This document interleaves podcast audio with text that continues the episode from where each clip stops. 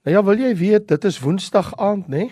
En ek gesels met jou hierso uit die Evangelie van Johannes. Ons is mos besig met ons reis deur die Johannes Evangelie en ek lees hier van vers 17. Hier staan: En Jesus het hulle geantwoord: My Vader werk tot nou toe en ek werk ook. Hieroor het die Jode toe nog meer probeer om hom dood te maak, omdat hy nie alleen die Sabbat gebreek het nie, maar ook God se eie Vader genoem het en hom met God gelykgestel het. Jesus het toe geantwoord en vir hulle gesê: "Voorwaar voorwaar ek sê vir julle, die seun kan niks uit homself doen tensy hy die Vader dit sien doen nie. Want alles wat hy doen, dit doen die seun ook net so, want die Vader het die seun lief en toon hom alles wat hy self doen en groter werke as hierdie sal hy hom toon sodat jy verwonderd kan wees. Want soos die Vader die dode opwek en lewend maak, so maak ook die seun lewend wie hy wil. Want die Vader oordeel ook niemand nie, maar het die hele oordeel aan die seun gegee, sodat almal die seun kan eer net soos hulle die Vader eer. Wie die seun nie eer nie, eer nie die Vader wat hom gestuur het nie. Voorwaar voorwaar ek sê vir julle, wie my woord hoor en hom glo wat my gestuur het, het die ewige lewe en kom nie in die oordeel nie, maar het oorgegaan uit die dood in die lewe. Voorwaar voorwaar ek sê vir julle, daar kom 'n uur en dit is nou wanneer die dode die stem van die seun van God sal hoor en die wat dit gehoor het sal lewe. Want soos die Vader lewe het in homself, so het hy aan die seun ook gegee om lewe in homself te hê. En hy het hom mag gegee om ook te oordeel omdat hy die seun van die mens is. Moenie julle hieroor verwonder nie, want daar kom 'n uur wanneer almal wat in die grafte is, sy stem sal hoor en sal uitgaan, die wat goed gedoen het tot die opstanding van die lewe en die wat kwaad gedoen het tot die opstanding van die veroordeling. Ek kan uit myself niks doen nie. Soos ek hoor, oordeel ek en my oordeel is regverdig, omdat ek nie my wil soek nie, maar die wil van die Vader wat my gestuur het. As ek van myself getuig, is my getuienis nie waar nie. Daar is 'n ander een wat van my getuig en ek weet dat die getuienis wat hy van my getuig waar is. Julle het na Johannes gestuur en hy het vir die waarheid getuig, maar ek neem die getuienis van 'n mens nie aan nie, maar ek sê dit dat julle gered kan word. Hy was die lamp wat brand en skyn en julle was gewillig om julle vir 'n tyd lank in sy lig te verbly. Maar ek het 'n groter getuienis as die van Johannes, want die werke wat die Vader my gegee het om te volbring, die werke self wat ek doen, getuig van my dat die Vader my gestuur het. En die Vader wat my gestuur het, hy het van my getuig. Julle het nog nooit sy stem gehoor of sy gedaante gesien nie. En julle het sy woord nie as iets blywends in julle nie, omdat julle hom wat hy gestuur het, nie glo nie. Julle ondersoek die skrifte omdat julle meen dat julle daarin die ewige lewe het en dit is die wat van my getuig. Ek en julle wil na my nie kom om die lewe te hê nie. Eer neem ek van mense nie aan nie. Mag die Here sy lieflike woord in my en jou hart seën. Weet jy? Ons reis deur die evangelie van Johannes hier in Johannes hoofstuk 5 bring ons nou tot die wonderlike besef dat ons het hier 'n baie baie kosbaarheid in die Bybel. Ons het hier die seun van die mens, die seun van God se verhouding tot die Vader.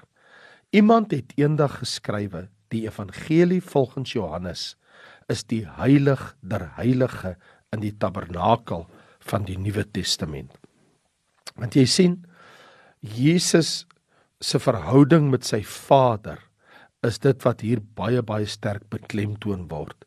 Die verhouding van die seun tot die Vader. En ek kan nou ronduit vir jou sê, behalwe met die uitsondering van een teks in die Bybel, letterlik een teks in die Nuwe Testament.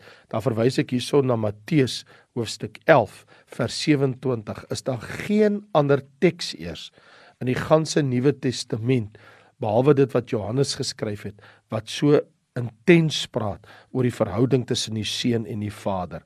Net Matteus 11 vers 27 behalwe vir Johannes.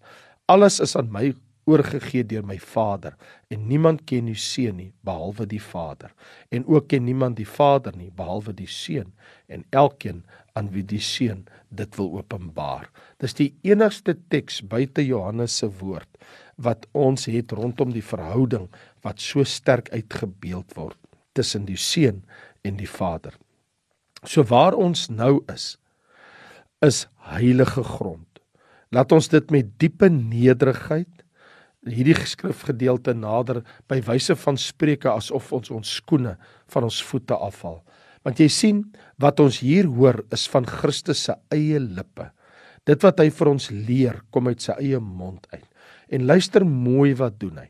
1 Jesus toon aan ons dat hy geliefd is deur die Vader. Vers 20 van Johannes hoofstuk 5 sê hy dit in sy eie woorde. Want die Vader het die seun lief en toon hom alles wat hy self doen. So een van die bewyse van die liefde van hierdie liefde is dat die Vader toon die seun alles wat hy self doen. Onthou vroeër in Johannes Evangelie hoofstuk 3 vers 35 het ons mos alreeds gelees en die Vader het die seun lief en het alles in sy hand gegee. So die feit dat die Bybel ook vir ons sê verder in hoofstuk 3 dat so lief het God die wêreld gehad dat hy sy enige gebore seun gegee het. So wat ons hier sien is Jesus was geliefd deur die Vader. Maar dat hierdie genadige God en Vader manifesteer sy liefde deur te gee. Hy gee aan ons sy seun Jesus. So lief het God die wêreld gehad en ook hy gee ons die Heilige Gees. Romeine 5 vers 5 sê dat hy sy Gees aan ons gegee. Johannes 14 sê hy gee aan ons die Trooster en ook dat hy gee aan ons die ewige lewe. Die Vader het die Seun lief. Dit is my geliefde seun in wie ek welbehaag. sien ons in Matteus 3 vers 17 by Jesus se doop. Maar nie net was Jesus geliefd deur die Vader nie, maar die tweede punt wat hy maak baie belangrik is dat Jesus sê ek is gestuur deur die Vader. Soos ons hier in vers 37 sien, en die Vader wat my gestuur het, het van my getuig. Dit is nie net hier wat dit staan nie, maar oralste sou Jesus daarna verwys. Selfs in Johannes hoofstuk 8 vers 42 lees ons en Jesus sê: "Want ek het uit God uitgegaan en gekom. Ek het nie uit myself gekom nie, maar hy het my gestuur. So duidelik kan ons sien in die Bybel is ook daaroor baie eerlik dat op die regte tyd Galasiërs 4 vers 4 het God sy seun gestuur gebore uit 'n vrou gebore in hierdie wêreld. So wat Jesus hier sê is nie net is Jesus geliefd deur die Vader nie, maar Jesus sê vir ons dat die Vader het my gestuur. Ek het nie uit my eie na hierdie wêreld gekom nie. Ek het nie eendag in die hemel wakker geword en gedink, hoorie, maar dit sal hom nou 'n oulike idee wees om planeet Aarde te gaan besoek nie. Nee nee, ek het gekom omdat die Vader my gestuur het. So alle diensknegte, ware disippels van die Here, ek bedoel alle kinders van die Here is eintlik ook maar sy gestuurdes, nê? Want ons sien in Johannes 17 vers 18 waar Jesus sê soos U my gestuur het in die wêreld, het ek ook hulle, en hy verwys na sy disippels in hierdie wêreld gestuur. So om te kom in die naam van die Vader impliseer mos want nou wat Jesus hier sê is dat hy het ons gestuur, maar nie net is hy geliefd deur die Vader, nie net het die Vader hom gestuur nie, maar hy sê ook in Johannes 5 vers 43 dat hy het gekom in die Vader se naam. Ek lees vir jou soos dit daar staan. Ek het gekom in die naam van my Vader. So vir Jesus om in die naam van die Vader te kom, impliseer dan ook soos wat ons sien in Johannes 14 vers 10 glo jy nie dat ek in die Vader is en die Vader in my nie? Die woorde wat ek tot julle spreek spreek ek nie uit myself nie maar die Vader wat in my bly hy doen die werke.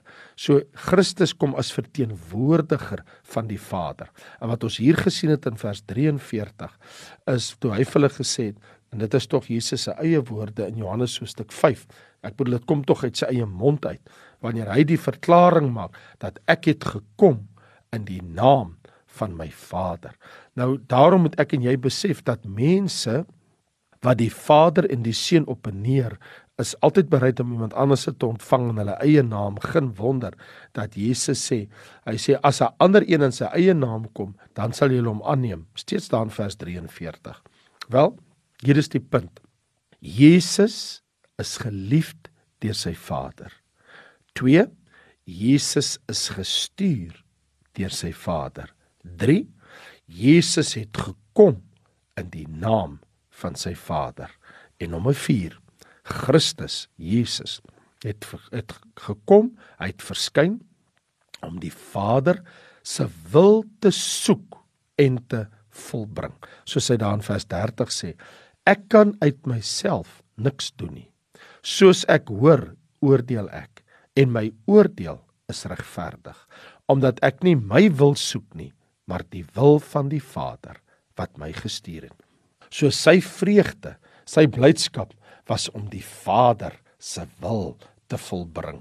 En dit is natuurlik absolute vervulling van Psalm die 40ste Psalm soos wat ek en jy dit reeds ken daar in vers 7 en in vers 8 waar geskrywe staan: U het geen behaag in slagoffer of spysoffer nie, maar u het vir my ore gegrawe brandoffer en sondoffer het u nie geëis nie. Toe het ek gesê, kyk ek kom in die boekrol is dit my voorgeskrywe. Ek het lus o my God om u welbehaag te doen en u wet is binne in my ingewande. So waarlik waar is dit sy begeerte om Vader se wil te volbring. En kan jy dink aan 'n plek soos Getsemane En in Getsemane was Jesus se gebed toe hy die laaste droesel van die sonde op hom moet neem, die verskrikking van die mense se sonde van hierdie wêreld. Toe bid Jesus en hy sê nogtans nie my wil nie, maar u wil geskied. Ten alle koste Vader, laat u wil geskied. Het jy ook al so gebid? Het ons al so gebid? Wanneer alles verkeerd loop en ons nogtans sê Here, laat u wil geskied. En Jesus sê Nie net is ek geliefd deur my Vader, nie net het die Vader my gestuur nie, maar daar's baie meer aan dit. Ek het gekom in die naam van my Vader, maar ook ek het gekom om die wil van my Vader te volbring. Ek lees in vers 17 en 19 dat vyftens is hier nog 'n gedagte, nê? Hier's wonderlike punte om hier uit te lig in hierdie hoofstuk waar ons lees in vers 17 Jesus het hulle geantwoord: "My Vader werk tot nou toe en ek werk ook." In vers 19. Jesus het hulle geantwoord of hulle gesê: "Voorwaar waar ek sê vir julle, die seun kan niks uit homself doen tensy die Vader dit sien doen nie. Alles wat hy doen, die Vader, dit doen die seun ook net so." So wat Jesus sê, is ek het die Vader as my voorbeeld. Ekskuus, verskoon my. Jesus sê die Vader werk tot nou toe en ek werk ook. En duidelik kan ons nou sien dat hierdie Sabbat dat dit is nie meer hier ter sprake nie want Jesus sê my Vader werk tot nou toe. Die Vader was Christus se voorbeeld want ek bedoel die hele rede waarom die Jode probeer het om hom dood te maak vers 16 is omdat 'n siek man in Bethesda op 'n Sabbat gesond gemaak het. En nou lees ons vers 16 sê hier het die Jode probeer om hom dood te maak omdat hy dit op die Sabbat gedoen het. En Jesus sê, "Maar my Vader, my Vader werk tot nou toe. Ek werk ook." In ander woorde, daar bestaan nie so iets dat my Vader het op die sewende dag van die skepping gaan rus en hy rus tot vandag toe nie. Liewe loofin, wil jy vir my sê jy dink dat Vader sit daar iewers toe op 'n stoel of 'n rusbank of 'n sofa al vir 6000 jaar en kyk net en staar na sy skepping wat hy geskep het? Hy het wel op die sewende dag gerus, maar ek bedoel life goes on and the world keeps on turning. En Jesus sê, "My Vader werk tot nou toe en ek werk ook." In Matteus soos eh, in Johannes hoofstuk 5 vers 17. So wat Jesus sê is dat ek volg my Vader se voorbeeld en omdat my Vader op 'n Sabbatdag werk, ek werk ook op 'n Sabbat. Ek maak mense gesond, Waarom het jy 'n probleem daarmee? Dit is mos beter om iemand gesond te maak as om iemand te laat sterwe of in sy siekte toestand te lê op 'n Sabbat. So Christus is ons voorbeeld. En wie die seun eer, eer die een en glo in sy woord van die een van wie daar ons lees in vers 23 sodat almal die seun kan eer net soos hulle die Vader eer. Maar hier's die punt. Hier's nog 'n baie belangrike gedagte wat hier uitkom. En dit sien ons hier in vers 26. Want soos die Vader lewe het in homself, so het hy ook aan die seun gegee om lewe in homself te hê. So Jesus besit ook in homself die Vader se prerogatief op die lewe. Ek bedoel dis mos nou duidelik hier die Vader het aan die Seun gegee om lewe in homself te hê. In ander woorde, die Vader wat die lewe in homself het. Hy wat totaal onafhanklik is van alle omstandighede, het dieselfde reg toegeken aan sy seun soos wat ons sien in Johannes 6 vers 47 ook soos die lewende Vader my gestuur het en ek deur die Vader lewe so sal ook hy wat my eet ook deur my lewe. So Christus is ons lewe en die Vader het hom gestuur en dus het Christus die prerogatief in homself ander woorde al maak julle my dood ek sal weer opstaan uit die doodheid en is presies wat gebeur het. Maar nou maak Jesus nog 'n baie belangrike punt hier in Johannes en dit is in die 21ste vers van hoofstuk 5. Want soos die Vader die dode opwek en lewend maak, so maak ook die Seun lewend wie hy wil. So Jesus maak lewend soos die Vader wie hy wil lewend maak. Wow. Jesus maak lewend wie hy wil. Christus is dan die opstanding en die lewe. Hy het Lazarus uit die doodheid opgewek. Hy kan opwek uit die dode wie hy wil. Jy sien, hier's twee prerogatiewe wat duidelik aan die Vader behoort en hy dit gedelegeer aan die Seun. Die een is om die dode op te wek en die lewe te gee. Daardie reg het Vader aan die Seun gegee. En ook om regter van alle mense te wees, soos ons in vers 22 sien. In ander woorde, Jesus is die regter. Hy sê ook so in soveel woorde: My oordeel is regverdig, vers 30. Vader het die oordeel aan my gegee. So hier's twee prerogatiewe wat Jesus Christus besit. In die feit dat die Vader hom liefhet, dat die Vader hom gestuur het, dat hy in die naam van die Vader na hierdie wêreld toe gekom het, dat hy is wie hy is, die seun, dat hy die Vader se voorbeeld volg en dat hy die Vader gehoorsaam in sy wil soek, vind ons nou Vader het aan die seun twee prerogatiewe oorhandig. 1 Jy het die reg my kind om op te wek wie jy wil opwek uit die dode uit en om alle mense te oordeel. Dit bring my by 'n baie belangrike punt hier in vers 22. Want die Vader oordeel ook niemand, maar het die hele oordeel aan die Seun gegee. Jesus Christus het die gesag en die mag om almal te oordeel vers 27 en hy die Vader het hom die seun mag gegee om ook te oordeel omdat hy die seun van die mens is. So omdat hy mensheid aangeneem het, omdat sy seun 'n mens geword het, gee die Vader dit in sy hande. Hy kan die mens oordeel. Nou of in genade of in oordeel, maar elke knie sal waaragtig voor hom buig in die finale. Filippense 2 vers 10 is duidelik. Daarom het God hom ook uitermate verhoog en hom 'n naam gegee wat bo elke naam is, sodat in die naam van Jesus sou buig elke knie van hulle wat in die hemel en op die aarde is. Ek vind voort hier in Johannes hoofstuk 5 dat Jesus sê maar hy is gelyk met die Vader. In vers 18 Hierop het die Jode toe nog meer probeer om hom dood te maak, omdat hy nie alleen die Sabbat gebreek het nie, maar ook God se eie Vader genoem het en hom met God gelykgestel het en dan in vers 23 sodat almal die seun kan eer net soos hulle die Vader eer. Wie die seun nie eer nie, eer nie die Vader wat hom gestuur het nie. My vriende, jy moet baie mooi verstaan wat hier staan in hierdie woord. Die Here Jesus is baie baie duidelik oor wat hier staan. En dit is Wie my haat, haat ook my Vader. Johannes 15:23. Jy geweet wie Jesus haat, wie Jesus verag, wie Jesus verkleineer, wie Jesus verwerp, doen presies dieselfde met die God van die hemel. Jy sien, in 1 Johannes praat Johannes verder en hy sê in hoofstuk 2: Elkeen wat die seun loon, het ook nie die Vader nie. So oppas wat jy van Jesus sê, want dit sê jy van Vader God in die hemel. My vriende, my raad aan julle almal is Psalm 2 vers 12 sê: Kus die seun dat hy nie toornig word en julle op die weg vergaan nie. Die lewe, die karakter, die werk van Jesus Christus was so verbind met die lewe, karakter en werk van die Vader dat hulle as een beskou word. In Jesus se aansprake, ek en my Vader. Miskien is dit een van die mees aangrypendste van wat Jesus hier sê, ek en my Vader. Wat dink net vir 'n oomblik daaroor.